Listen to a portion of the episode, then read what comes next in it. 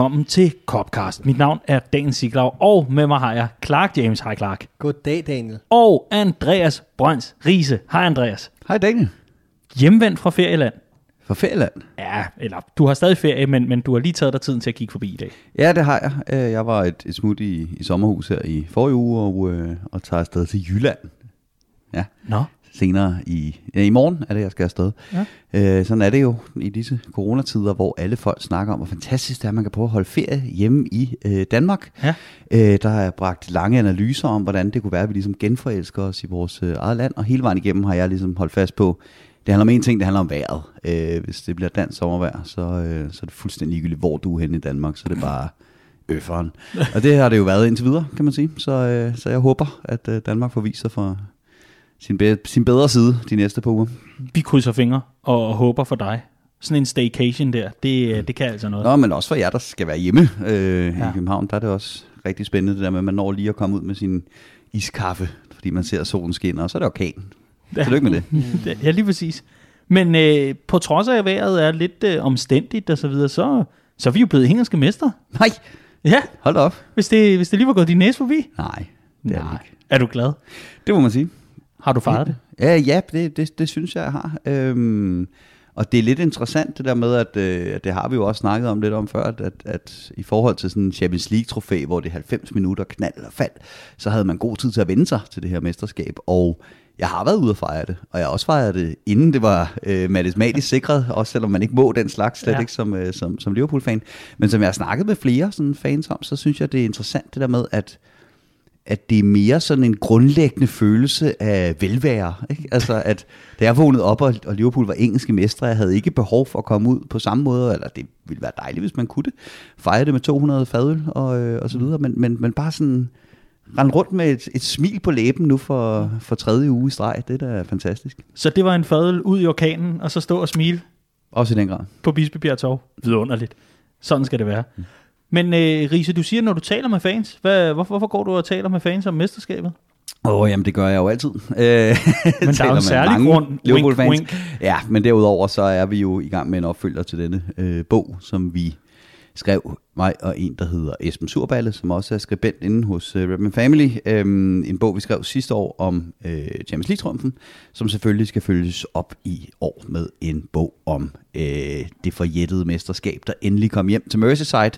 Og temaet den her gang bliver øh, mere end, øh, altså sidste bog var jo sådan bygget op kamp for kamp, og hvad lærte vi af den kamp, og, og så videre, indtil vi stod på toppen af Europa så bliver det mere noget med at snakke med nogle fans om de her 30 år, der er gået, hvor Liverpool ikke har vundet mesterskabet, om det så virkelig var all that at gøre mm. det.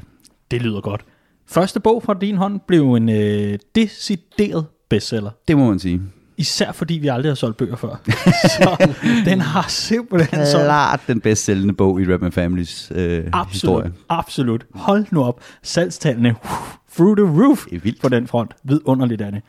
De her, vi skal samle op på noget, øh, for noget bold, fordi øh, det er godt og vel 11-12 dage siden, at øh, du og jeg, Clark, vi satte os ned og lavede en Champions Edition af Copcast, hvor vi altså sad og talte det om, altså om det at være blevet mester, og det, det er vi jo stadigvæk, men vi skal jo også samle op på noget af det sportslige, inden sæsonen går på held, og ja, der øh, resterer lige tre runder for, for Liverpool nu, men der er trods alt øh, rigeligt at, øh, at tale om, fordi der er jo nogle tendenser, og der er nogle spillere, vi skal holde øje med, og der er lidt skaderhister her, lidt transferrygter, så vi samler op i denne næst sidste Copcast for denne sæson. Så det er altså nu, at du, kære lytter, som så trofast har lyttet med hele sæsonen, og tak for det. Og hvis du ikke har, velkommen til.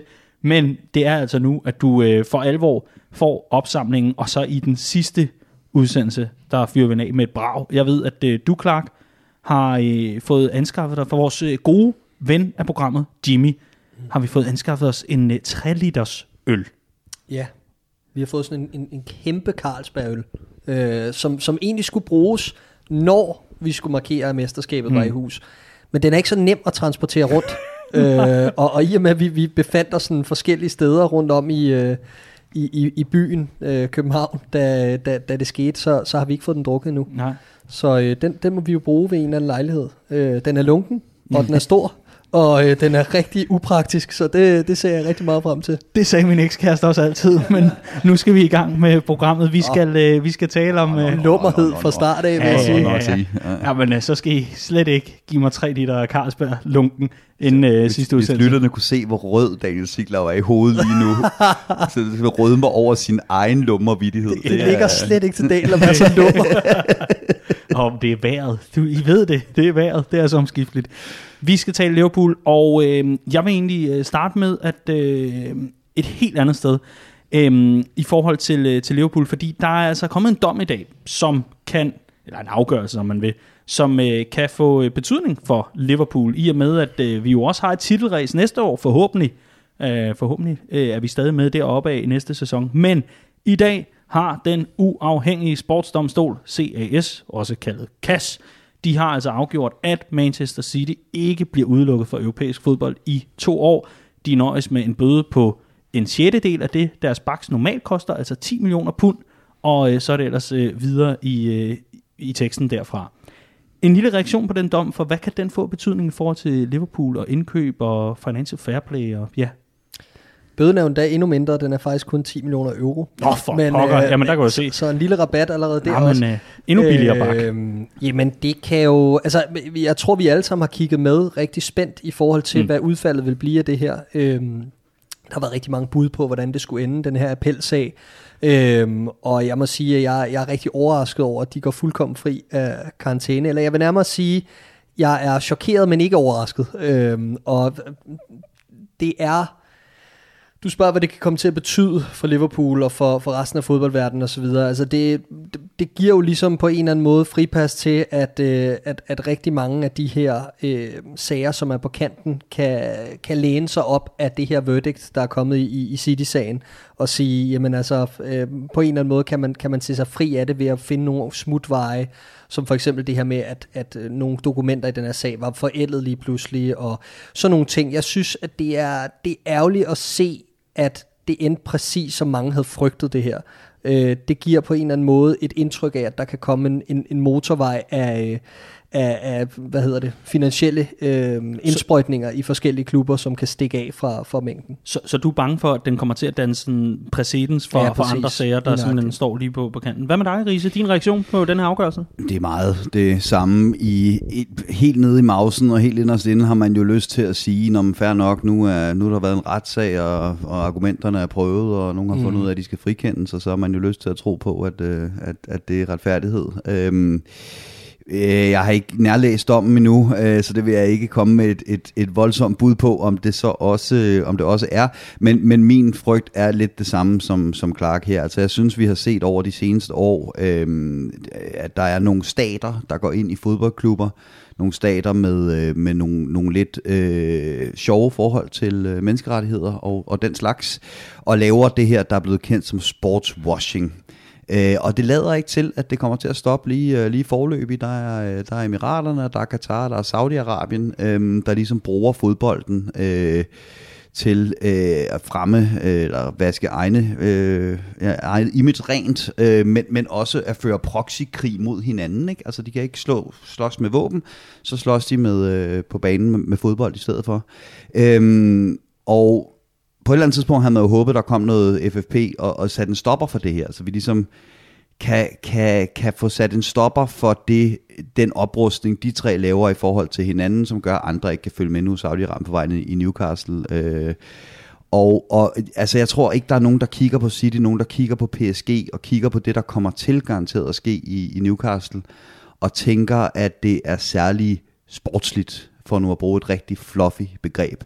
Øh, og det var det, jeg havde håbet, at man med en dom til City øh, kunne få sat en, øh, en, en stopper for det her, øh, det her oprustningskapløb, som i mine øjne ikke har så meget med fodbold at gøre. Og, og det er jo netop problemet. Problemet er, at, at man vil så gerne, som du er inde på i starten, Andreas, man vil rigtig gerne have den her tillid til, at tingene foregår ordentligt. Problemet er, at tilliden til UEFA er helt i bund. Og man ved ikke rigtigt, hvad man skal sige til, at, at den her dom kommer forbi KAS, og de så bliver, bliver, bliver frifundet, fordi øh, det er jo en uafhængig domstol, og, det. og, og man, man, man vil jo så gerne et eller andet sted tro på systemet. Det virker bare meget, meget mystisk, at, at UEFA med alle deres rådgivere og advokater og alt muligt andet har taget den her sag videre og har kaldt sagen for vandtæt.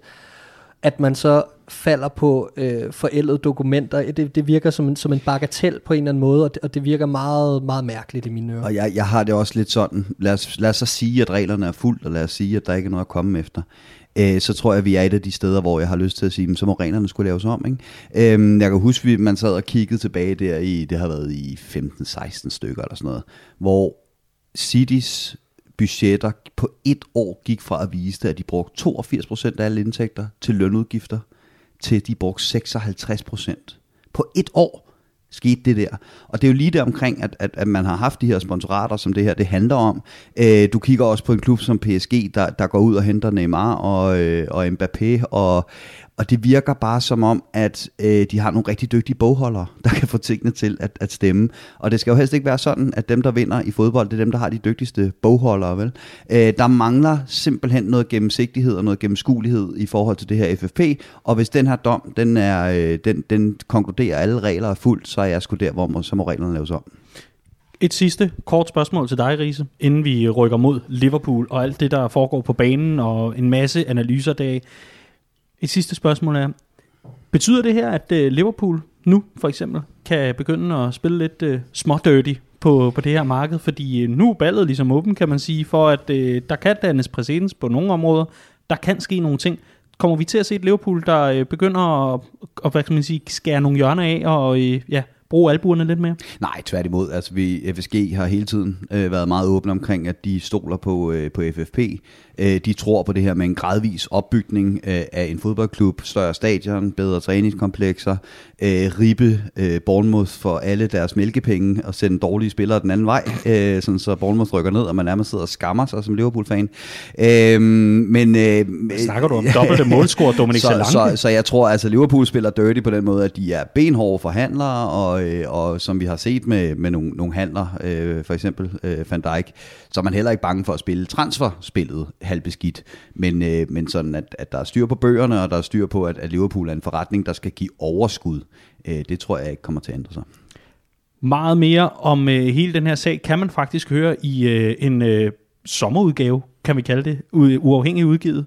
Øh, verdens bedste liga podcast, hvor du og jeg, Clark, vi har øh, Jonathan Rying Larsen med, mm-hmm. kendt fra selv samme program. Øhm, og den øh, optages i morgen tirsdag. Og øh, mm. så er der ellers øh, stor analyse og debat om, øh, om alt det her med FFP.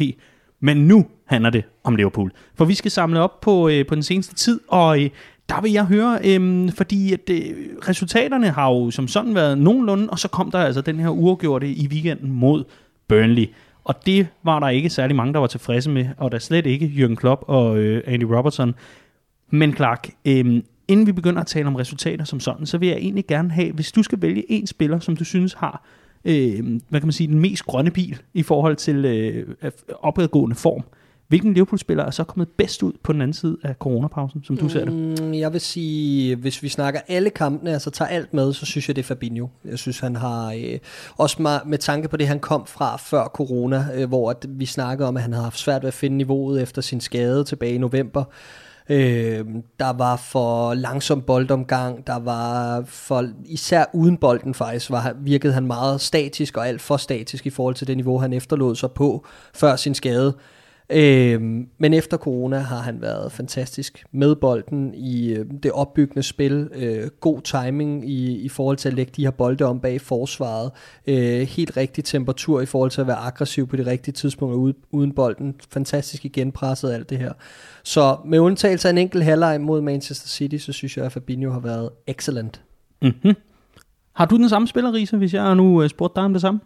Ja, jeg synes Fabinho, og så synes jeg også en, en Andy Robertson, der ser ud til at have ganske øh, trætte stænger inden øh, coronapausen. Øh, han, han virker også, som om han, øh, han har haft godt af et, øh, af et hvil, også selvom det blev et, et langt et af, af slagsen. Mm. Men, men, men svært at komme udenom Fabinho som the inform player. Ja, og hvad, hvad betyder trætte stænger, så længe hovedet er klar? ja, præcis. Til bolde fra Sy- Fabinho. Synes du virkelig det med Andy Robertson? Jeg synes, han havde to redselsfulde kampe, havde han sagt, øh, mod øh, både Manchester City og efterfølgende også mod Ja, han var, ja, ja, han var, han var tåbelig, øh, tåbeligt ringe mod, mod City, øh, men, men, men det var sådan nogle, øh, det, det, det, holdet havde ikke en god dag, og han havde så et par rigtig dumme beslutninger, øh, fordi han virker overtændt simpelthen på et hold, der ellers ikke virkede tændt overhovedet nærmest. Øh, men, men ellers så synes jeg, at, at hans energi i, øh, i spillet, hans, hans evne til at drive bolden frem, øh, at, at drive Liverpool frem, jeg synes bare, man skal kigge på den kamp, hvor han ikke var med, for at jo. se, øh, hvor, hvor meget han har betydet. Ja, ja, jo, men klart, men det handler lige så meget for mig om, om de alternativer, vi har på bænken, og det er måske, det er måske i lige så høj grad en, et, et problem, eller en, en alarmklokke, der i hvert fald øh, bør ringe der. Men jeg synes i kampen mod Aston Villa, den der følger øh, City-kampen, altså jeg havde karaktererne, kan jeg huske, øh, selvom Liverpool vinder 2-0, vinder altså til 0 på hjemmebane, så var jeg tæt på at dumpe Andy Robertson. Mm. Det, det siger alt. Altså, jeg synes, han har været langsom om at komme i gang, men det er så rigtigt, da han kommer ind mod Brighton, øh, fremragende indhop, øh, gør nærmest forskellen for Liverpool, ikke? Og, og, og spiller også en glimrende kamp, hvor han scorer mod, øh, mod Burnley. Så ja, altså det, det er blevet bedre, men jeg synes med, at han var, han var sløv mm. i optrækket. Ja, det kan vi godt blive enige om. En øh, kandidat, jeg godt kunne øh, finde på at bringe spil her, fordi øh, jeg tror, der er bred enighed i panelet her om øh, Fabinho. Fremragende mm. start efter pausen her. Hold nu op, hvor har Navigator, der har taget mig med storm, som ja. jeg øh, flere steder har skrevet. Det er jo ikke alle øh, lyttere bekendt nødvendigvis, så derfor kan jeg jo lige gengive det her. Men jeg er imponeret, jeg er glad, men jeg tør ikke tro på det endnu. Mm. Hvordan har I det med Navigator? Hvordan har I set hans øh, genkomst, hvis man kan kalde den det, efter pausen her?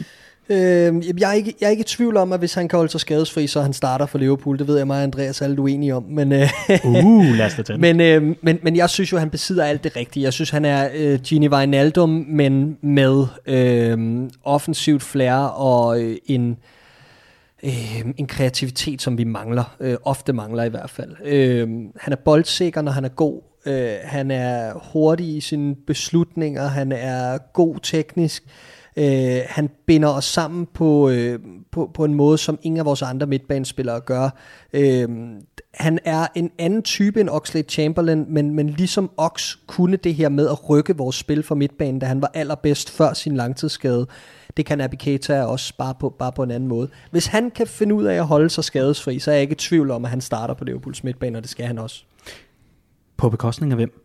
Fordi nu kommer der en skade, ja. som jo er meget ja, ja. Øh, behjælpsom jo, jo. i forhold til den her debat. Men, jeg, jeg, jeg er ikke Men ud over den. Jeg er ikke i tvivl. Altså, jeg, jeg synes, Fabinho, øh, hans, hans topniveau og, og den kurs, han har, er han selvfølgelig selvskrevet på det her Liverpool-hold som sekseren. Jordan Henderson giver os noget taktisk fleksibilitet, fordi han både kan være den anden sekser, men han kan også spille otteren. Så jeg, jeg finder også ham selvskrevet. Jeg synes, han er vokset og har bygget mere på sit spil, end bare at være den her, der kan diktere tempoet. Han kan også meget mere, det så vi senest mod Brighton. Øhm, og det efterlader en plads, og den sidder Gini Wijnaldum normalt på, men jeg synes ikke, Gini Wijnaldum kan nok til at være selvskrevet på en Liverpool midtbane. Jeg synes, han er fantastisk i at holde øh, fast på bolden, holde fast på spillet, øh, sikre, at vi er i possession, sørge for, at vi kontrollerer kampene. Men for mig skal der stadig oven i det være noget offensivt output. Det er det, er det niveau, vi er nået til, og det tror jeg, at så frem Naby Keita holder sig skadesfri, så sidder han på den plads. Har Liverpool bevæget sig forbi Gini Wijnaldum nu i forhold til en startplads? Er tiden ved at rende lidt ud for den gode Ginny, der det, jo også har kontraktudløb, som også er værd at nævne i den her altså det, det, jeg synes, der er så svært ved, øh, ved, ved Wijnaldum-diskussionen, det er, at jeg kan sagtens se det. Jeg, kan, jeg, jeg havde karaktererne mod Burnley, og der måtte jeg jo også sidde der og virkelig lede dybt i, øh, i hjernekisten efter, hvornår jeg egentlig havde set Gini Wijnaldum i den fodboldkamp imod Burnley. Og i sådan nogle kampe, der, der synes jeg i den grad, at, at øh, det vil klæde Liverpool med noget mere dynamik, end, øh, end det, som Wijnaldum øh, byder ind med nu om dage. Øh, det jeg så også bare altid synes, der er lidt interessant ved Wijnaldum, det er det her med, øh, at han er den spiller i Premier League i denne sæson overhovedet blandt alle spillere, der har øh, den største vellykkede afleveringssikkerhed øh, under pres. Altså når man er sat under pres af en modspiller, hvor tit rammer du så en medspiller, der er Gini Wijnaldum nummer et i hele ligaen. Og jeg synes, når vi snakker om øh, Fabinho, øh, som vokser ind på det her hold, og på det seneste virkelig øh, har steppet op, hvilket samspil han har med Wijnaldum. Altså, der, jeg er ikke i tvivl om, at der er mange spillere på det her Liverpool-hold, der tænker, nu kan jeg godt tage en chance, fordi Gini er der til at rydde op, eller Gini er der til at lukke de rigtige områder bag mig, øh, hvis, hvis, hvis det er, det skulle gå galt. Ikke? Mm. Øh, og det er der, jeg synes, Wijnaldum excellerer, og hvor han kan noget, som øh, er meget sjældent og, og også lidt usynligt. Øh, men jeg kan sagtens se, at, at i en kamp som den mod, mod Burnley, der var, han, øh, der var han bare en lidt stærkere øh, Joe Allen. Og jeg har det ikke sådan, at Gini Van Aldum nødvendigvis skal sælges, men vi har den her, altså det synes jeg ikke, jeg synes klart, at han er god nok til at spille for Liverpool, der er slet ikke noget der, og han kan stadig spille en, en vigtig rolle, bare fordi man ikke er selvskrevet på Liverpools midtbane, kan man stadig have en rolle at spille. Men der er bare den her kontraktsituation, som også gør det sådan lidt øh, akavet på en eller anden måde. Han har et år tilbage af aftalen med Liverpool, og denne her forlængelse er trukket ud. Øh, jeg synes ofte, man ser Liverpool linket med, med lignende spillere til midtbanen. Det lader til, at vi begynder måske så småt at acceptere, at Gini Wijnaldum måske ikke er i klubben længere næste sommer. Og tager man alt i betragtning, så vil det måske også være fint nok at beholde ham året ud, øh, fordi han fylder 30 i november, og øh, han har stadig et job at gøre, men har han et job at gøre ud over det år, mm jeg ved det ikke. Øh, jeg tror, at det er en del af fornyelsen i Liverpool, og en del af den der interne fornyelse er også at kigge på den her dynamik på midtbanen, se hvad det er for nogle roller, de skal have, fordi vi har været kendt for over de sidste år at have den her robots midtbane, og så er der nogle andre, der ligesom gjorde arbejdet. Jeg tror, at hvis vi skal blive mere uforudsigelige som fodboldhold, noget, der skal, noget vi er nødt til at blive, hvis vi skal holde os på det her sindssygt høje niveau, jamen så skal der ske en udvikling på den midtbane, og der har vi jo nogle folk på vej frem. Vi har en Curtis Jones, vi har en Naby Keita, og vi sidder og siger, hvis han går altså skadesfri. Det er stadig et kæmpe hvis. Øh, men, men vi har nogle spillere, som kan noget andet, øh, og, og, og som formentlig kan bringe noget mere øh, direkthed, noget mere uforudsigelighed, noget mere kreativitet og sådan nogle ting. Og det tror jeg også, Klopp sætter enormt stor pris på. Så jeg tror, der er et dilemma der i, at man har en, en, en utrolig sikker skanse i Gini Wijnaldum, en fantastisk taktisk spiller, som har været med fra starten af og kender det her system ind og ud, og er en klubben eller truppen tydeligvis stoler på. Øh, og så samtidig det her med, at man er nødt til at forny sig på en eller anden måde øh, going forward. Så det er, det er spændende at se, hvad der sker. Altså det er jo skide spændende at se den situation, vi har i Premier League lige nu, hvor Liverpool har stabiliteten. Altså er så vanvittigt stabile og vinder øh, li- øh, ligaen på det. Der er vel ikke nogen tvivl om, at City på topniveau har været det bedste fodboldhold i, i den her sæson. Til gengæld har de tabt hver tredje kamp. Så når City er bedst, så er de klart det bedste hold i ligaen, men de er bare ikke bedst øh, særlig mange kampe på en sæson. Og, og det, jeg tror, det er der, man kigger på Liverpool lige nu og siger, jamen lige nu er våbnet stabilitet, og du finder ikke mere driftssikkerhed og stabilitet, end du gør i Gini Wijnaldum og Jordan Henderson. Men skal vi tage næste skridt op, skal der også løst, løstes på topniveauet, så er det da helt klart en af de to, der skal, øh, der skal, der skal mm. udfases, og jeg tror også, det er Gini, der, der, der bliver offeret der. Så er spørgsmålet så, om Naby Keita er løsningen på, øh, på, at Liverpool skal tage det næste skridt på, på topniveau. Og det er svært at sidde her øh, på bagkant af en kamp mod Brighton, hvor han jo er eminent, øh, og, og lige præcis laver de der to, altså den der han laver, hvor han bryder bolden og spiller den fremad i samme bevægelse, det er jo så dynamisk. Det er jo mm. lige præcis det, som man, man savner fra sådan en, en Liverpool midtbane. Der er det med hans skader, og så synes jeg sådan helt personligt, og det er, det, det er muligvis øh, lidt eksotisk i sådan en, en statbaseret fodboldverden, at sidde og snakke om mavefølelse, når man ser fodbold. Jeg synes ikke spillet flyder, når Naby Keita er inde. Jeg synes stadigvæk, han på andet år ligner en, der ikke har spillet sammen med de andre spillere øh, særlig længe. Øhm, jeg synes, han er god, når han er god. Det er meget sjældent, jeg kigger på, på, på Naby Keita, når han spiller i en Liverpool-trøje og tænker, det, at, at det giver flow i spillet, at han er på banen. Jeg er ikke enig. Sådan. Jeg, det, øh, det er dejligt med lidt uenighed for en gang skyld. Jeg synes, at det bliver tydeligt bedre. Det synes jeg også, det er blevet i den her sæson. Jeg synes, at billedet bliver lidt mudret af, at han netop har været så meget skadet. Fordi mm. de kampe, hvor han har spillet, og har gjort det godt, synes jeg også holdet har været godt. Jeg synes i store dele af kampen mod Brighton er vi, er vi egentlig rigtig gode. Jeg synes, Naby Keita er fantastisk, og jeg synes klart, at vores spil flyder meget bedre. Jeg synes, vi er meget bedre i vores omstilling, og jeg synes, vi er meget mere glidende. Og så tager jeg bare en, øh, den kamp, som både eksperter og vi også har nævnt her i, i, i, i, øh, i Copcast-studiet har, har fremhævet som måske den bedste i, i flere år i Liverpool, at sige Liverpool-Leicester, eller Leicester-Liverpool 0-4 hvor Keita også ligger på midten, ja, ja. og bare er det her fantastiske bindeled. Vi to sad i weekenden til kamp mod Burnley over nogle øl og snakkede om, at, at Gini Wijnaldum er den her lim på, på mm. Liverpools midtbane, og man, man ofte overser ham en lille smule. Jeg synes, Keita har det her med at kunne være lim. Jeg synes, den, den kamp er... Altså, man skal sidde og se den igen, fordi der er han netop ikke sådan en, der falder i øjnene, men han gør bare det, han skal, og så er han smart i sine beslutninger i de små rum, og han gør os bare bedre. Så når Keita er rigtig god, så synes jeg, han er meget, meget svær at kigge forbi. Og så er vi tilbage ved, at det kan godt være, at han kan løfte topniveauet, men øh, er han stabil nok? Både på skader, ja, ja. og der snakker jeg nemlig både skader og øh, hans, hans evne til at falde ind på det her øh, mm. Liverpool-hold. Interessant er det i hvert fald at høre jeres øh, tanker om netop øh, Nabi Keita. Sjovt, som en, øh, et lille indspark simpelthen kan sætte gang i så god en analyse. Tak for mm. den. Vi øh, skal også lige forbi en, øh, en ting, som jeg synes er, er vigtigt at diskutere, fordi øh, Nabi Keita øh, her i weekenden mod Burnley, det var helt tydeligt, at han øh, skulle i hvert fald spare så meget som muligt, og så sættes i spil øh, til, til sidst i hvert fald i, i opgøret mod Burnley. Men det var netop fordi, han skulle spares her til midtugens opgør mod Arsenal. Og i det hele taget, det der med ind- og udskiftninger. Det kunne være lidt interessant at høre jeres tanker om det, fordi der er jo nogle lidt øh, nye regler på den front. Udover drikkepauserne, som vi kommer til at knuselske, det kan jeg mærke. Mm. Det her med, at en, en halvleg bare bliver afbrudt midt i det hele. Så en ekstra pause, øh, ud over pausen i midten, det bliver så godt.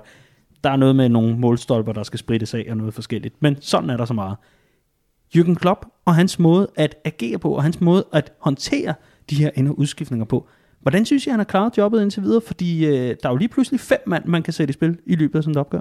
Ja, det er blandet, synes jeg. Jeg synes, at det er, det er svært at, at, at være dommer over, fordi der, der er flere ting, der spiller ind øh, med hensyn til Liverpool lige nu. Manglende motivation for måske lige at give de, de sidste 10% i kampene, og det er jo helt naturligt. Altså, vi har, vi har i bund og grund ikke noget at spille for. Vi har de her akkorder, som alle snakker om, og ja, det kunne være en luksus, men for mange af de hold, vi møder, så er det altså mere end bare luksus, der er på spil. Det er, det er definerende mål for sæsonen, og for om, om træner og spillere er i klubberne næste år. Øhm, hvor at, at, at man kan sige lige nu, øh, jeg er i tvivl om, at havde vi alt at spille for lige nu, så tror jeg ikke Curtis Jones og Nico Williams i samme kamp havde fået en start, mm. for eksempel. Øhm, så så, så det, det, er sådan lidt, øh, det er sådan et todel, men man kan godt se, synes jeg, på Jürgen Klopp, i forhold til de her indskiftninger, at øh, for eksempel i weekenden bruger han kun tre. Jeg tror, han synes, det er irriterende, de her spilstop. Jeg husker en kamp for, det er halvandet år siden på Old Trafford, hvor øh, Øh, United får fire skader i første halvleg, skifter ud tre gange, og Jürgen Klopp efterfølgende øh, skyder skylden på, at Liverpool spiller 0-0 i øvrigt på Old Trafford den dag. Et pointtab, der blev rigtig dyrt i titelkampen. Øh, men der snakker han om det her med, at øh, det ødelagde rytmen for Liverpool, at United fik spillere skadet, hvor man sad bagefter og tænkte, hvad gør det så for United? Men jeg tror for ham betyder det enormt meget det her med, at altså man ser ham også tit, når vi har brændt to chancer på få minutter, så står han med armen, der kører rundt, som om, bliv nu ved, kør nu på, motoren skal fortsætte. Ikke? Bassarmen. Det, ja, men det er, ja. det. Det, er sådan, det, det er meget en momentummaskine, det her Liverpool-hold, og det må man ikke undervurdere. Så jeg tror, at for ham vil han rigtig gerne have så få spilstop som muligt, og det er meget muligt, at det er overtænkt heroverfra, men det er i hvert fald det, jeg tager ud af det, at han også kun skifter tre mænd i weekenden. Ja, jeg, jeg, jeg synes, en helt stor loop er fremme i øjeblikket, og det er meget naturligt, fordi, øh, som vi har været inde på før, øh, Øh, der kommer ikke nogen Timo Werner. Øh, sandsynligheden er, at der kommer faktisk ikke rigtig nogen i det her transfervindue. Og så er der to ting, man virkelig kigger efter i øjeblikket. Den nye sæson er allerede begyndt på to parametre. Et, er sulten der stadig? To, er bredden i truppen øh, god nok? Og det er klart, det er, jo, det er jo sådan nogle ting, man sidder og kigger på øh, i, i, i de her kampe. Og, og, og når man så ser, altså jeg synes, jeg synes jo egentlig, at vi har set mod, øh, mod, mod Palace, og også i store dele af kampen mod Brighton og så videre, der synes jeg, at det, det har virket som et, et sultent og, øh, og meget motiveret øh, Liverpool-hold. Øh, så er der City-kampen, som, som, som bare skal glemmes. Øh, der var der var der med tørmand. Og så er vi til, tilbage til sådan en kamp som her mod Burnley, hvor jeg sådan et eller andet sted sidder og tænker, den her kamp skal Liverpool jo vinde 99 ud af 100 gange. Øh, grunden til, at vi ikke vinder den kamp, og jeg ved godt, det er igen en, øh, en, en diskussion, øh, der, der er sprængfarlig, men det er jo, at, at Mohamed Salah har en af de dage. Dem har han skulle have før. Også hvor at, at Liverpool ikke lige har vundet et, et mesterskab. Der er den manglende skarphed, den er der bare ikke, og derfor ender vi med at spille 1-1 mod Burnley, i stedet for at vinde 3-0 over Burnley. Jeg ved ikke, om jeg sidder og kigger på sulten og siger, at det var det, der var afgørende for, at vi ikke ville den kamp. Og så kommer næste punkt, det er jo så bredden, fordi så kigger man jo på Jürgen Klopp og tænker, dude, du må bruge fem udskiftninger, du bruger tre, vi jagter et mål øh, de sidste 20 minutter, øh, vores angriber har skudt med løs krudt, du har nogle stykker siddende på bænken. Og så sidder jeg også et eller andet sted og tænker, jo jo, men hvor mange gange i den her sæson har vi ikke set vores angriber skyde med løs krudt. Vi er kørt på og kørt på og kørt på, som Clark siger. Når der er brændt to chancer, så står Klopp derude og siger, tredje gang er den, der skulle drenge. Og hvor mange gange har den ikke været der tredje gang? Hvor mm. mange gange har man ikke set Mohamed Salah brænde de første seks, for så at sætte den ind til, øh, til det afgørende mål ind i 89. Så kan man egentlig fortænke Klopp i at stå derude og tænke, øh, mit bedste bud på en målscorer i dag, de render rundt ind på banen, og så kigge på ah, øh, Origi og Minamino, og apropos spillere, der er kommet tilbage fra coronapause øh, og ikke leveret en skid. kan man så tænke Klopp i at kigge på de to, og har vi Elliot at tænke, jeg tror sgu mere på de tre derinde lige nu? Nej, det kan man ikke, og jeg, øh, jeg, jeg er super enig i, at, øhm, at, at den, den er gået så mange gange i den her sæson, at jeg kan godt forstå, at man har tiltro til det her. Det gjorde den så ikke den her gang, og hvorfor gjorde den ikke det? Jeg synes, den er hård at smide over på Salah, han brænder nogle chancer. Øh, jeg synes egentlig, altså helt bottom line, synes jeg, Liverpool spiller en god kamp. Jeg synes, Ja, der præcis. var fin tænding på, jeg synes, der var god dynamik, øh, jeg synes, der var gode angreb, øh, gode øh, situationer, hvor vi kunne have scoret. Salah brænder en del, Mané brænder også nogle. Firmino har en på inderstolpen. Jeg synes, den er godt fordelt ud. Mm. Øhm, og, og det, jeg tror i sidste ende er grund til, at vi ikke scorer, det er, at vi ikke skal score. Altså, øh, vi, vi, vi, hvis vi skulle have vundet en kamp, så vandt vi også. Det synes jeg, vi har set så mange eksempler på tidligere. Men det, er, det kan vi diskutere fra til i morgen, det finder vi ikke et svar på. Men, men det var bare den følelse, jeg sad med. Det var, at hvis Liverpool skulle have brugt et mål her, så havde Liverpool også fået et mål. Og det er det, der er forskellen på, før og efter den titel blev sikret. Og det kan jeg ikke rigtig, det kan jeg ikke rigtig fortænke nogen i, eller pege fingre af nogen for, fordi er det ikke meget naturligt, altså? Men jeg tror bare, udfordringen her, det er netop, som du siger, vi finder aldrig ud af, historien afslører aldrig sit alternativ, vel? Mm. Og det vil sige lige nu, der vil de mennesker, der sidder og siger, at den er gal med sulten, øh, den er gal med bredden, mm. øh, vi er nødt til at købe ind, de vil kunne pege på tre-fire øh, elementer af spillet og sige, kan I se her, der mm. er altså et problem. Ja. Og så nogen som mig, der tænker, det, jeg, er, jeg er egentlig rimelig ro i maven ved at tage en sæson mere med, med, med det her crop. Øh, jeg vil kunne pege på fire andre elementer og sige, her er grunden til, at jeg ikke synes, vi står med verdens mest presserende øh, problem lige nu. Ja, øh, jeg forventer så til gengæld den kamp, der kommer onsdag mod Arsenal. Øh, der forventer jeg et Liverpool-hold, der, øh, der, der stepper op, fordi øh, jeg- tror, Klopp forsøger at holde dem, dem på, på mærkerne. Jeg tror Præcis. ikke bare, det er noget, han siger Nej, ud til. præcis. Jeg tror virkelig, han gør sit bedste for at holde det her performance level op, og det, det synes jeg også, vi så igen. Brighton-kampen fin. Øh, Jeg synes, Burnley-kampen faktisk var endnu bedre øh, i forhold til tændingsniveau, i forhold til, hvor flydende Liverpool spillede i længere perioder af kampen i hvert fald. Øhm, og jeg tror, det bliver rigtig interessant at se Liverpool mod et Arsenal-hold, der for det første overhovedet ikke nogen prop har i, i det defensive, har en midtbane, der kan løbes øh, over med ryggen til, og så samtidig et Arsenal-hold, der mistede den sidste, den sidste motivation for at spille for noget i Premier League i weekenden med nederlaget til Tottenham. Det bliver lidt sjovt, fordi det er to hold, der ikke rigtig har den der ekstra motivation, som i hvert fald er mit argument for, hvorfor Liverpool ikke leverer det sidste. Og så får vi Naby Keita ind på midten, og det tror jeg bliver et rigtig, rigtig spændende mix, og, øh, og ender i en stor sejr til Liverpool. Spændende bliver det i hvert fald, og det er altså øh, midtugens kamp, så øh, det kan være, at den allerede er spillet, når du hører dette, kære lytter, men øh, om ikke andet, så øh, lover vi at samle op på det hele, ligesom vi også kommer til at gøre med bedømmelser, der laver vi simpelthen sæsonbedømmelsen, og så får I altså lektier for, hvor I skal bedømme alle kampe indtil da, inklusive så den aller sidste mod Newcastle må det være, og, øh, og så samler vi op og ser, hvad snittet har ligget på for, for de her her, og så kan vi jo så sidde og diskutere i jamen, hele timer, om man kan give under 10, når Liverpool nu vinder mesterskabet så suverænt og så fremdeles. Vi skal lige forbi nogle, øh, nogle historier, som øh, også er interessante. Her iblandt, at øh, Jordan Henderson, vi var lige inde på det tidligere, men Jordan Henderson er altså ude for resten af sæsonen. Han øh, løbet ind i en knæskade. Jeg, jeg tror, at øh, kommentatorparet mod Burnley, og øh, ingen, ingen, øh, ingen intet havde eller noget i den retning, men øh, jeg, jeg tror næsten, det må have været Seby i en eller anden art. Det havde været en rigtig grim knæskade. Den skulle bare ikke opereres. Øh, så, så en grim knæskade, der ikke skulle opereres, og det betyder altså, at Hendo han er ude for resten af sæsonen, bliver formentlig klar til starten af næste sæson. Så han skal altså bruge hele august måned på at blive klar, og så starter næste sæson angiveligt i den weekend, der kommer til at hedde 11., 12., 13., 14. Jeg har ikke lige styr på, hvornår fredagen ligger, men det er i hvert fald i medio september, at øh, bolden begynder at trille igen. Puha, han får lov til at løfte trofæet, Andreas, men øh, kommer vi til at savne Hendo i de sidste tre kampe? Ja, det gør vi. Øhm, og det gør vi, fordi at øh, han indkapsler den sult og den stabilitet, der er, og den vinderkultur, der er i, i klubben lige nu. Og når vi snakker om det her med, at, at, øh, at øh, Klopp, han vil gerne have, at Liverpool vinder de sidste tre kampe, så har der været meget snak om det her med, at han ikke, han, han siger, at han er ligeglad med rekorderne, han vil bare gerne vinde kampe. Det tror jeg sådan set på. Jeg tror, at det er svært at skulle motivere et hold ved at sige, at vi har en rekord, vi kan slå. Jeg tror mere, det handler om, at næste kamp er hele tiden lige så vigtig. Øhm, og næste sæson for Jürgen Klopp er, som jeg siger, lupen er fremme lige nu. Næste sæson er allerede startet. Øhm, og jeg er ikke i tvivl om, at, at, øh, at øh, Klopp han gerne vil have sin indpisker på banen de sidste tre kampe til at sørge for, at den her sæson bliver sluttet af med et brag, så man kommer ind i næste sæson forfra og med, med, med, med momentum. Mm. Absolut. Han er jo efterhånden mere og mere Klopps forlængede arm på banen, og det er især blevet tydeligt her efter titlen er sikret, øh, når vi spiller med uden Jordan Henderson. Jeg synes så ikke, det var så tydeligt mod Burnley, at han manglede, og det, øh, det var rart øh, at se, at der var andre, der ligesom kunne, kunne gribe stafetten og, øh, og, og løfte det her Liverpool-hold i forhold til tempo og, og rytme.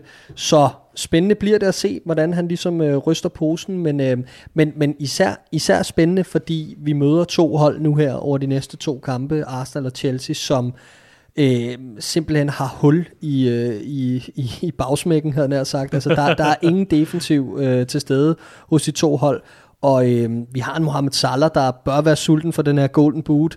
Øh, vi har en, en fronttrio, der ramte deres, øh, deres performance level mod Burnley, og ser ud til at blive bedre og bedre spillemæssigt her efter corona men stadig mangler at have den kamp, hvor, hvor de alle sammen går på tavlen, og hvor det hele bare flyder. Ikke? Mm. Så, øh, så, så jeg glæder mig til at se, hvordan vi, hvordan vi løfter fakten i de næste to kampe, jeg tror, vi får en god finish. Ja, det tror jeg også, men, men, men bare lige den sidste ting med Henderson er jo, at vi, vi, vi prøver at tænke to år tilbage, det føles nærmest som ancient history, men der snakker vi ofte ja. om, at når Hendo havde spillet fem, 15 kampe i streg, så var han rigtig god, og så gik han altid i stykker, og så blev det stop-start, stop-start, og det endte altid med, at han kun var i topform i 4-5 kampe i løbet af en sæson.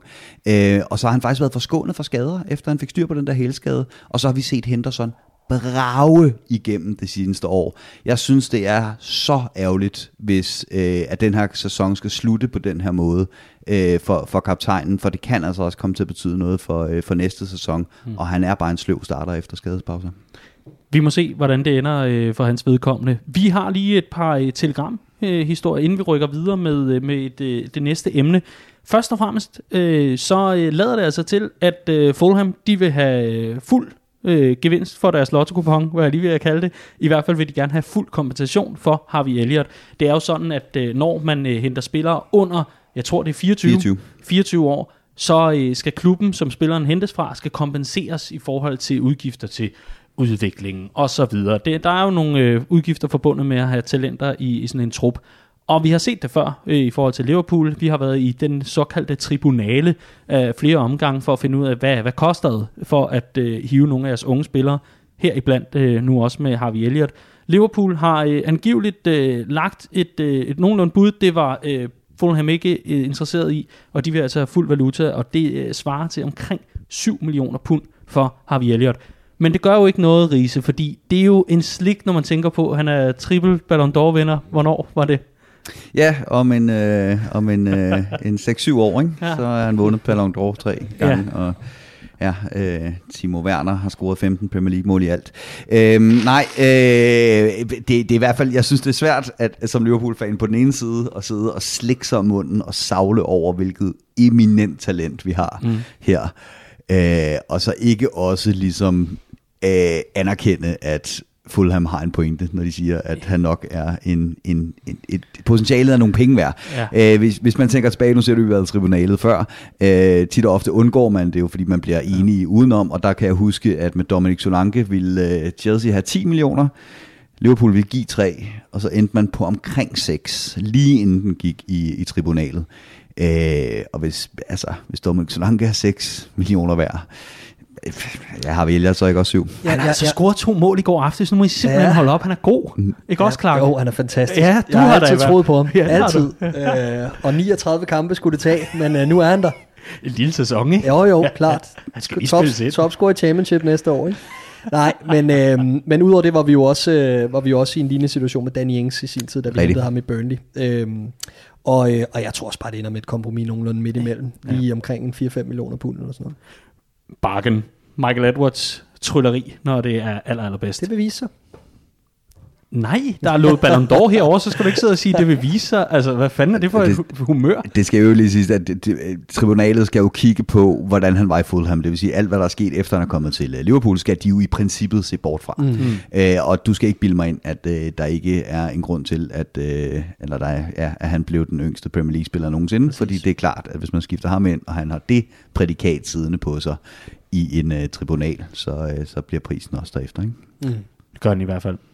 Vi skal øh, også lige forbi, og det er jo ikke fordi, det handler om vores klub, men alligevel, øh, det er et navn, der er begyndt at figurere en lille smule. Jeg så også, at øh, den gode Allan Kuhn havde det med på en liste i øh, studiet i weekendens øh, analyse i forbindelse med, øh, med Liverpools kamp mod Burnley. Og det drejer sig helt specifikt om, at Norwich er officielt rykket ned i Championship, og de har lidt interessante emner, blandt andre end Jamal Lewis, og vi har talt om ham før, Clark. Mm. Jamal Lewis og øh, Alan Kuhn havde ham med, med på sin liste, som det kunne være en interessant reserve til Andy Robertson.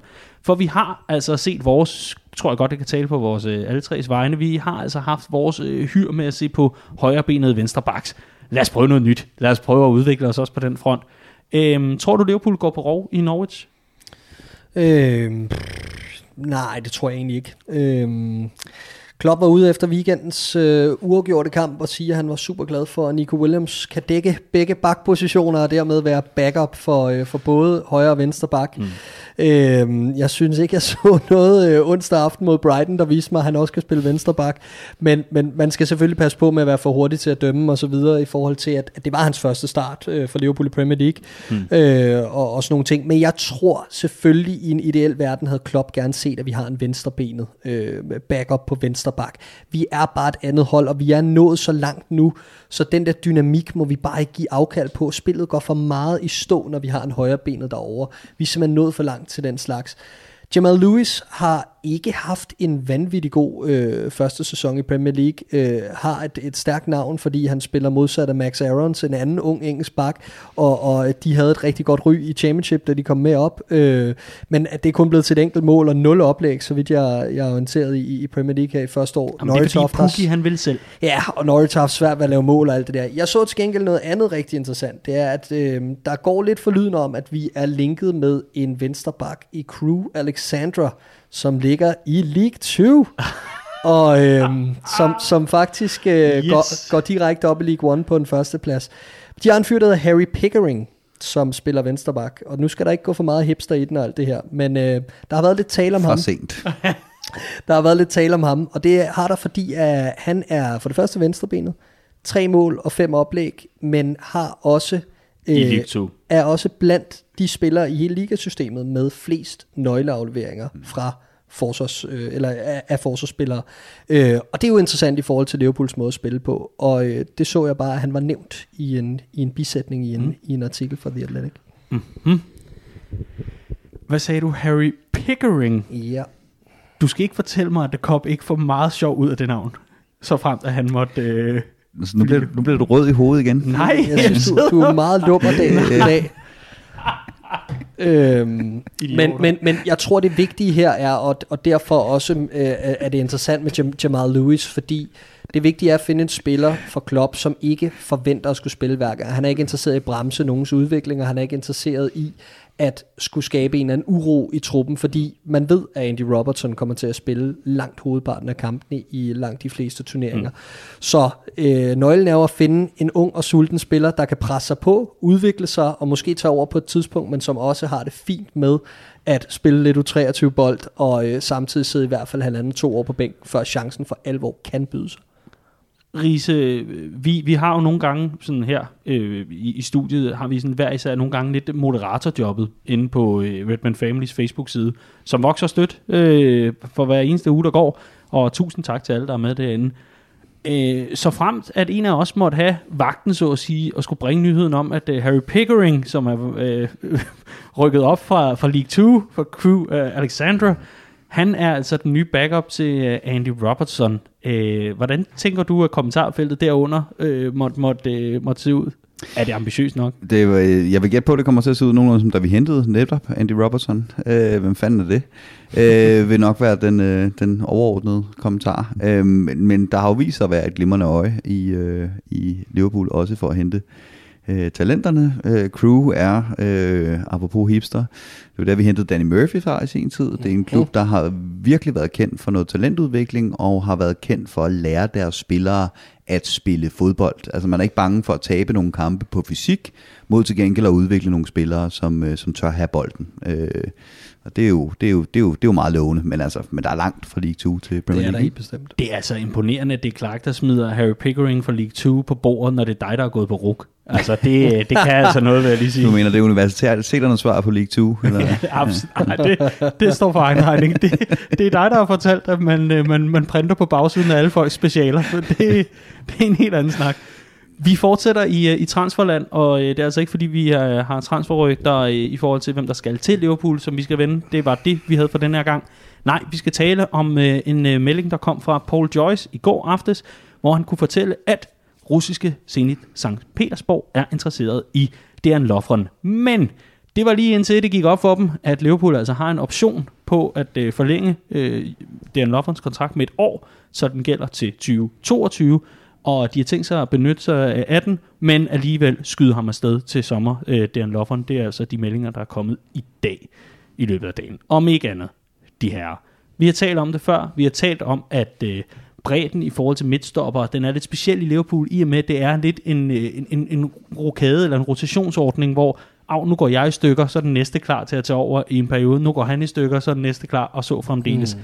Men er det på tide, at øh, vi tager afsked med Dejan Lovren? Ja, det synes jeg. Det synes jeg. Øhm, jeg synes, Dejan Lovren er et fint firevalg, men, men jeg synes også, at han efterhånden har udtjent sin værnepligt i, øh, i Liverpool. Øhm, jeg synes også, det er fair nok at sige, at en spiller, der er nået til den alder, han nu har, øh, kan få et sidste øh, eventyr øh, i russisk fodbold, øh, komme til at spille med om, om nogle trofæer derovre. Øhm, og, øh, og, og det er altså niveauet er der bare ikke, det synes jeg også, vi, vi efterhånden har, øh, har set. Øh, det interessante er sådan set, hvad der skal ske i stedet for, øh, hvis, hvis det er en Lovren ryger afsted. Øh, fordi der er jo muligheden for, som vi har snakket om før, at man går ud og henter noget, der minder om et, øh, altså en ny førstemand til, øh, som makker til Van Dijk, øh, fordi man ligesom siger, at Gomez, han er lidt for skadespladet, og måske, som de sidste par kampe også har vidner om, stadig lidt svingende i præstationerne, øh, men stadig ung. Øh, og ellers så skal man jo ud og have en ny, øh, ny firevalg, mindre man mener, at, at Kijana Hoover eller Stefan Vandenberg er klar til at gå op. Ikke? Og det er jo så der, hvor at, at jeg igen øh, et par gange har peget på, at der kunne det jo være, at man kunne finde en, der både kunne spille central forsvarsspiller og øh, venstreback. Så selvom man køber verdensstjernen Harry Pickering, øh, så kunne det være, at der også var en mere rutineret type at øh, sætte ind, øh, i stedet for Andy Robertson, hvis han også skal spille centerback. Ikke? Så en rekrutteringstaktik, øh, så at sige, hvor man går efter en svejserkniv, simpelthen, øh, du kan både øh, det ene og det andet. Det har Klopp i hvert fald tidligere vist sig øh, glad for. Han elsker altid mm. i øh, trupspillere. Clark, som du ser øh, uh, Dejan Lovren, hvad, uh, kan det gå med et par år endnu, eller er det ved at være på tide? Nej, det er ved at være på tide. Det er der ingen tvivl om. Jeg er meget enig i det, Riese siger omkring, øh, at kvaliteten er der bare ikke, og projektet er bare vokset fra ham. Øh, der er for meget stabilitet i de bagerske leder til, at vi kan tillade, at Dan Lovren spiller meget mere end en håndfuld kampe per sæson. Og øh, en spiller som ham i hans alder, og med det øh, ry, han nu engang også har, og de, det antal landskampe osv., han skal ud og spille fast. Altså, og, og så må man jo gå, gå, en, øh, gå et niveau ned. Og det er den russiske liga. Jeg, jeg synes, det vil, være, det vil være godt for alle parter, øh, mm. sådan set. Øhm, I forhold til det her med, hvor, hvor det efterlader vores hierarki, så synes jeg, det, sådan, det, det, er, det, det er sjovt nok at tænke over, at det faktisk ville, i min optik, styrke Liverpool, at det er en Lovren ud, fordi Fabinho ville gå ind som fjerdevalg. Hmm. Øhm, så i bagkæden ville det for mig være en, en styrkelse at komme af med ham, øh, og det er jo sindssygt at sige. Øh, men problemet er, at du tager jo Fabinho fra en anden plads, øh, så, så, så på en eller anden måde går det ikke helt op. Øh, så, men, men jeg tror, hvis vi går ud og henter en, øh, så tror jeg ikke, det bliver en ung en, fordi vi har de to, du nævner, øh, Kijana Hoover og, og Sepp Vandenberg, som stadig bliver fremhævet af og til af, af Klopp som, som store prospects. Øh, så, øh, så på den del tror jeg ikke, det bliver en ung mand, der erstatter, så frem vi går ud og henter noget. Øh, altså en helt ung, under 20-årig spiller. Jeg tror nærmere, at det bliver en konkurrent. Altså vi, vi ligesom øh, skubber ned oppefra og, og, og køber en, der kan gå ind og, og spille med. Og her har en, en mand som Ben White jo været nævnt, øh, fastmand i Leeds, øh, og en del af den bedste defensiv i, i Championship i denne sæson, på lån for Brighton. Øh, en boldspillende centerback med, med fart i støvlerne. Så spændende bliver det at se, og, øh, og hvis og hvis og alt det der, som vi, vi kommer rigeligt ind på, når sæsonen skal til at genstarte, som med et langt transfervindue foran os. Mm. Vi øh, rykker øh, fra øh, DN Lovren, og så rykker vi til en øh, historie. Ja, der er meget, vi skal have samlet op på jo. Men sådan er det, når vi øh, sender dig afsted til, til Storstrøm og omegn, og nu til Jylland, Riese og hvad ved jeg. Og så går der altså gang to uger fra den her udsendelse ude til næste er klar. Sådan må det være. Vi kommer også til at lave et øh, voldsomt heat øh, næste, altså, altså dermed også sidste udsendelse. Vi skal lige tale lidt om øh, noget, som øh, jeg blev rigtig glad for, jeg tænker, og I også gjorde historien fra The Times om, at klubberne øh, i Premier League, Premier League har nedsat en arbejdsgruppe. Det gør man nok også på RUK i tid, tid og utid. Det hænder. Det hænder, at man laver sådan en arbejdsgruppe, eller et udvalg, tror jeg man snart det hedder det omkring. Jeg tror ikke, man ville kalde det en arbejdsgruppe, den var en gruppe, men øh, det er der nok grund til. Om ikke andet, lad os håbe, de kan holde sig, holde sig ædru i Premier League regi. I hvert fald er der nedsat en arbejdsgruppe, der lige nu arbejder på tiltag og lignende, som skal præsenteres til de britiske myndigheder, således at man kan få tilskuere tilbage på lægterne, og forhåbentlig, håbet er, at det kan blive til sæsonstart. Og det er altså som, øh, som nævnt, medio september, altså midten af september, omkring 12. september ish. Det må I altså ikke holde, mig- holde mig op på. I hvert fald er håbet, at man kan få indsluset øh, en masse tilskuere. Man er faktisk der omkring, hvor man øh, anslår, at øh, det håb, det faktisk ligger på omkring 30-50% af kapaciteten. Og bare lige for at øh, gøre det op hurtigt, så man lige kan få en fornemmelse af, hvor mange der taler om her. Jamen, øh, mellem 30 og 50 på Anfield, procent altså, ville svare til mellem 16.000 og 27.000 tilskuere.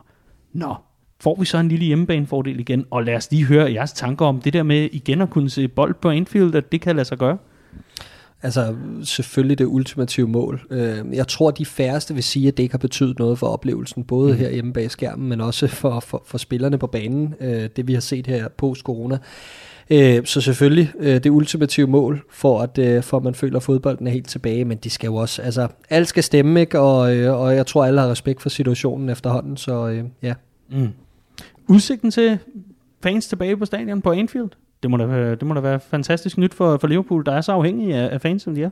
Ja, fuldstændig. Jeg, jeg, jeg hader også den der åndssvage dåselyd, de har puttet på øh, på, øh, på, på øh, transmissionerne fra, fra Premier League. Øh, så jeg, jeg kunne også godt tænke mig at få noget, øh, noget autentisk og, og ordentligt tilskuerlyd til, tilbage. Øhm, så, så selvfølgelig, altså tilsku, tilskuerne er alfa og omega i, i, i fodbold, ikke? Øhm, at- og det synes jeg også, den her tid har vist et eller andet sted.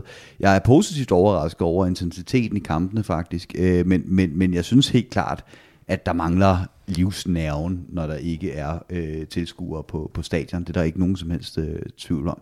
Øh, så må man se, hvad der kan lade sig gøre. Øh, England er jo også et, et land, der er rimelig hårdt ramt af det her øh, coronashow. Jeg har sgu egentlig været lidt, lidt skuffet over, hvordan nogle fans har reageret på at få noget frihed under ansvar øh, i forbindelse med nogle... Øh, fejringer af mesterskaber og den slags. Øhm, så, så det kræver jo også ligesom, at, at der er nogle fodboldfans, der spænder op og, og beviser, at de kan, de kan håndtere det.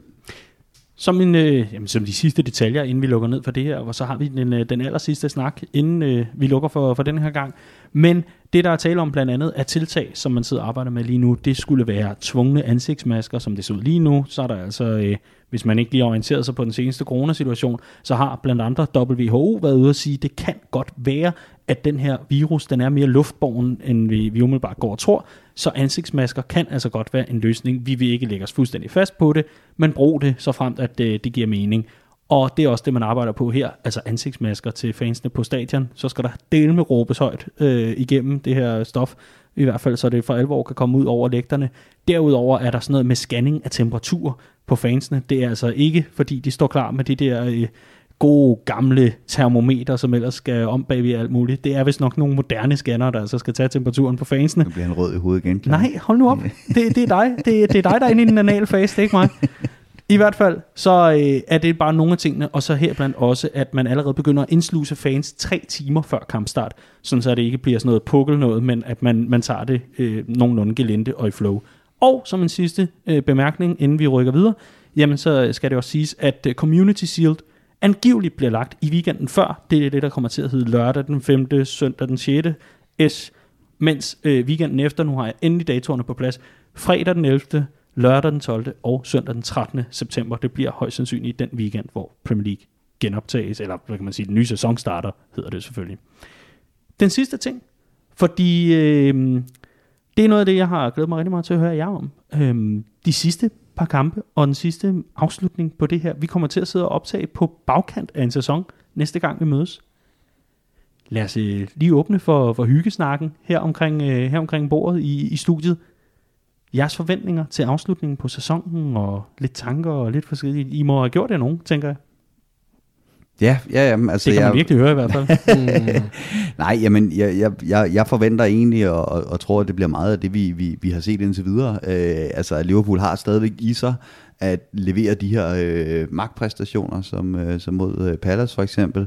Øh, jeg tror, at, at vi virkelig kommer til at se et hold, der gerne vil slutte øh, stærkt af. Øh, og øh, så tror jeg også, vi kommer til at se et hold, hvor den sidste, de to sidste, de tre sidste procenter trods alt godt kan komme til at mangle, ligesom de gjorde imod øh, Burnley. Mm. Øh, ja, så, så meget, som, meget som det har, har kørt, siden vi kom tilbage fra, øh, fra corona, men det synes jeg også er, er fint. Jeg har været fint underholdt. Ja, dine forventninger spilmæssigt også her? Øh, jamen, jeg tror, det bliver bedre og bedre egentlig. Jeg tror, vi slutter rigtig stærkt af, øh, og jeg tror, der er en øh, magtdemonstration tilbage i os i, i en af de tre kampe. Øh, jeg tror faktisk, det kommer en af de næste to mod Arsenal eller mod Chelsea. Jeg har en anden fornemmelse af, at det bliver mod Arsenal, men øh, det, det er også det nemme svar. Jeg tror samtidig gerne, vi vil slutte rigtig godt af hjemme, og især med tanke på det, det aftryk, vi efterlod i lørdags, som, som resultatmæssigt ikke var i orden, og hvor øh, man kender efterhånden Klopp godt nok til at vide, at, øh, at det, gider han, det gider han simpelthen mm. ikke have, skal være, skal være det sidste aftryk for den her sæson. Det skal ikke være et kryds eller et nederlag mod Chelsea. Øh, så, så vi på den måde ligesom slutter vagt af på Anfield. Så jeg tror, der er, der er rimelig meget vilje bag, i hvert fald fra Klopps side, og så er det, om han kan finde en anden forlænget arm inde på banen, i, i, i stedet for Jordan Henderson i hans fravær, øh, som ligesom kan tage teten og, og skubbe drengene over stregen, men det er jeg rimelig sikker på, at han godt kan. Og så tror jeg, at vi kommer til at se mere til Curtis Jones. Han fik vi ikke gjort så meget ud af i, øh, i gennemgangen af, af Burnley-kampen. Øh, en mand, der scorer 13 på den der selvtillidsskala fra 1 til 10, som Bentner efter sine scorede 11 på. øhm, er der gal. Øh, en, en, en spiller, der, der, der tror på, at han kan gøre det sværere, og nogle gange også kan.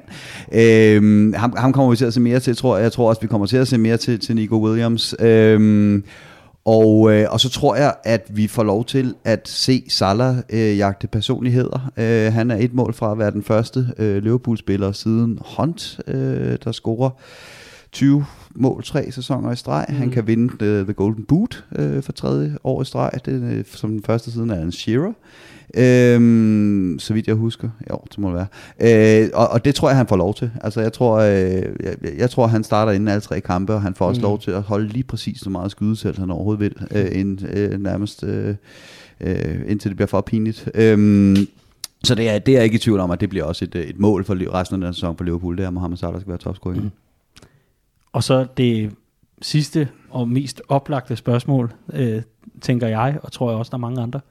Tror I, den der rigtige mesterskabsfølelse kommer, når vi ser drengene løfte trofæet? Vi har talt om det, øh, du og jeg, Clark i hvert fald. Vi har også talt om det på poppen, du og jeg, Riese. Det her med, det er sådan en, en, en feeling, du har været inde på, det er en form for balsam, der, det er bare behageligt, mm. og øh, fuglene synger og laver kaffe og klæder en på, og det hele er vidunderligt. Men tror I, at man for alvor forstår, at Liverpool er engelske mestre, når vi ser Jordan Henderson? Om det så med krykker, han laver det der mågetrippen, eller hvad det er. Tror I, det er der, vi forstår, at øh, det engelske mesterskab er sikret?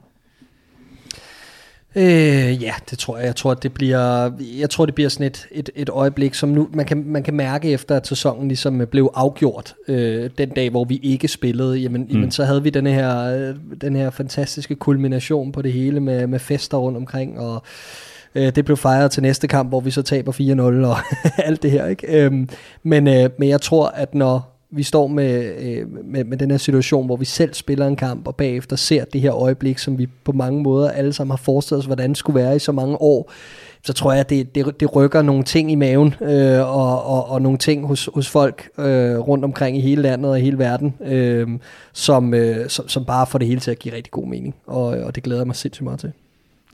Ja, altså jeg holdt op med at skyde på, hvordan jeg har det i de der situationer. øh, fordi altså, det var sidste år, hvor øh, den gik ned til sidste spilledag, men jo et eller andet sted ikke gjorde det vel.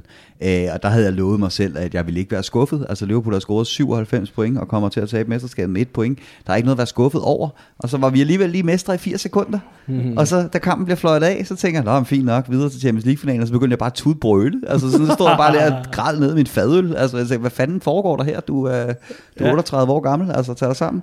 Øh, men der var alligevel bare et eller andet, øh, der skulle af med der, som jeg slet ikke havde set komme. Øh, og, øh, og, og altså, I, I oplevede mig mod Leicester. Øh, der, der, der fejrede jeg et solidt mesterskab. Alle oplevede dig mod Leicester. den, den nat, det var, den var god. Øh, og, og jeg, på et eller andet sted, så sidder jeg lige nu og tænker, jeg har, det er sgu gået op for mig, at Liverpool er engelske mestre, og jeg har de sidste tre uger rendt rundt og været fuldstændig ulidelig for alle at være i, i nærheden af. Øh, men, men, men hvordan fanden det bliver, når, når, når selve trofæet bliver løftet, og der står 38 kampe, Liverpool, 102 point. Øh, det, det, bliver sgu, det bliver sgu spændende. Det undrer mig lidt, Riese, at du står, når du taler til dig selv og snakker til dig, til dig selv, som om du er 20 år yngre. Står du og siger... Jamen, jeg skal sgu lige til at sige, er, er jeg mere chokeret over, at han græder, eller han siger, han er 38. Ja, det, det, jeg Men sidste år var jeg jo så kun 37, så jeg oh. tror også, jeg er så gammel, at jeg ikke har styr på, hvor gammel jeg selv er. Ikke? Ja, okay. Åh, oh, stærkt. Jamen, sådan er der så meget. Og, øh, og du var en lille purk sidste Liverpool blev mester jo, altså før den her gang. Jamen, det er ja. simpelthen vidunderligt. Vidunderligt øh, bliver det også at øh, lukke af for Copcast i, øh, jamen det er jo så ikke i næste uge selvfølgelig, det er jeg vant til at sige, om to ugers tid. Og øh, her på falderæbet skal det selvfølgelig siges, at øh, kampene bliver altså vist rundt omkring i øh, Redman Families afdelinger, og man kan øh, gå ind på redmanfamily.dk under afdelinger, så kan man se, hvor ens nærmeste er, og så kan man altså også samtidig lige finde enten et telefonnummer, eller en mail, eller et link ind til den øh, lokale afdelings Facebook-gruppe, eller andet, så man lige kan finde ud af, er der låst, er der lukket på dagen, øh, hvor skal jeg tage hen og se kampene, og hvis du kan, så synes jeg, du skal gøre det. Jeg tror, der kommer til at være rigtig godt smæk på den, øh, den 22. juli, hvor vi altså møder Chelsea og øh, hvor Liverpool øh, kommer til at løfte trofæet. Jordan Henderson kommer til at løfte trofæet. Hvem havde troet, at det ville være en mulighed for, øh, for nogle år siden? Helt absurd, at vi står i den her situation. Det har været en udsøgt fornøjelse at få samlet op på øh, 11-12 dages øh, fodbold sammen med Andreas Brøns Riese og Clark James. Mit navn er Dan Siglov. Tusind tak, fordi du lyttede med. Husk, at hvis du vil have meget mere Copcast, også i næste sæson, jamen øh, så vil vi simpelthen øh, blive så glade for, at øh, du var medlem, for det er det, der gør det muligt for os. Så tak fordi du lyttede med. Vi høres ved om to ugers tid.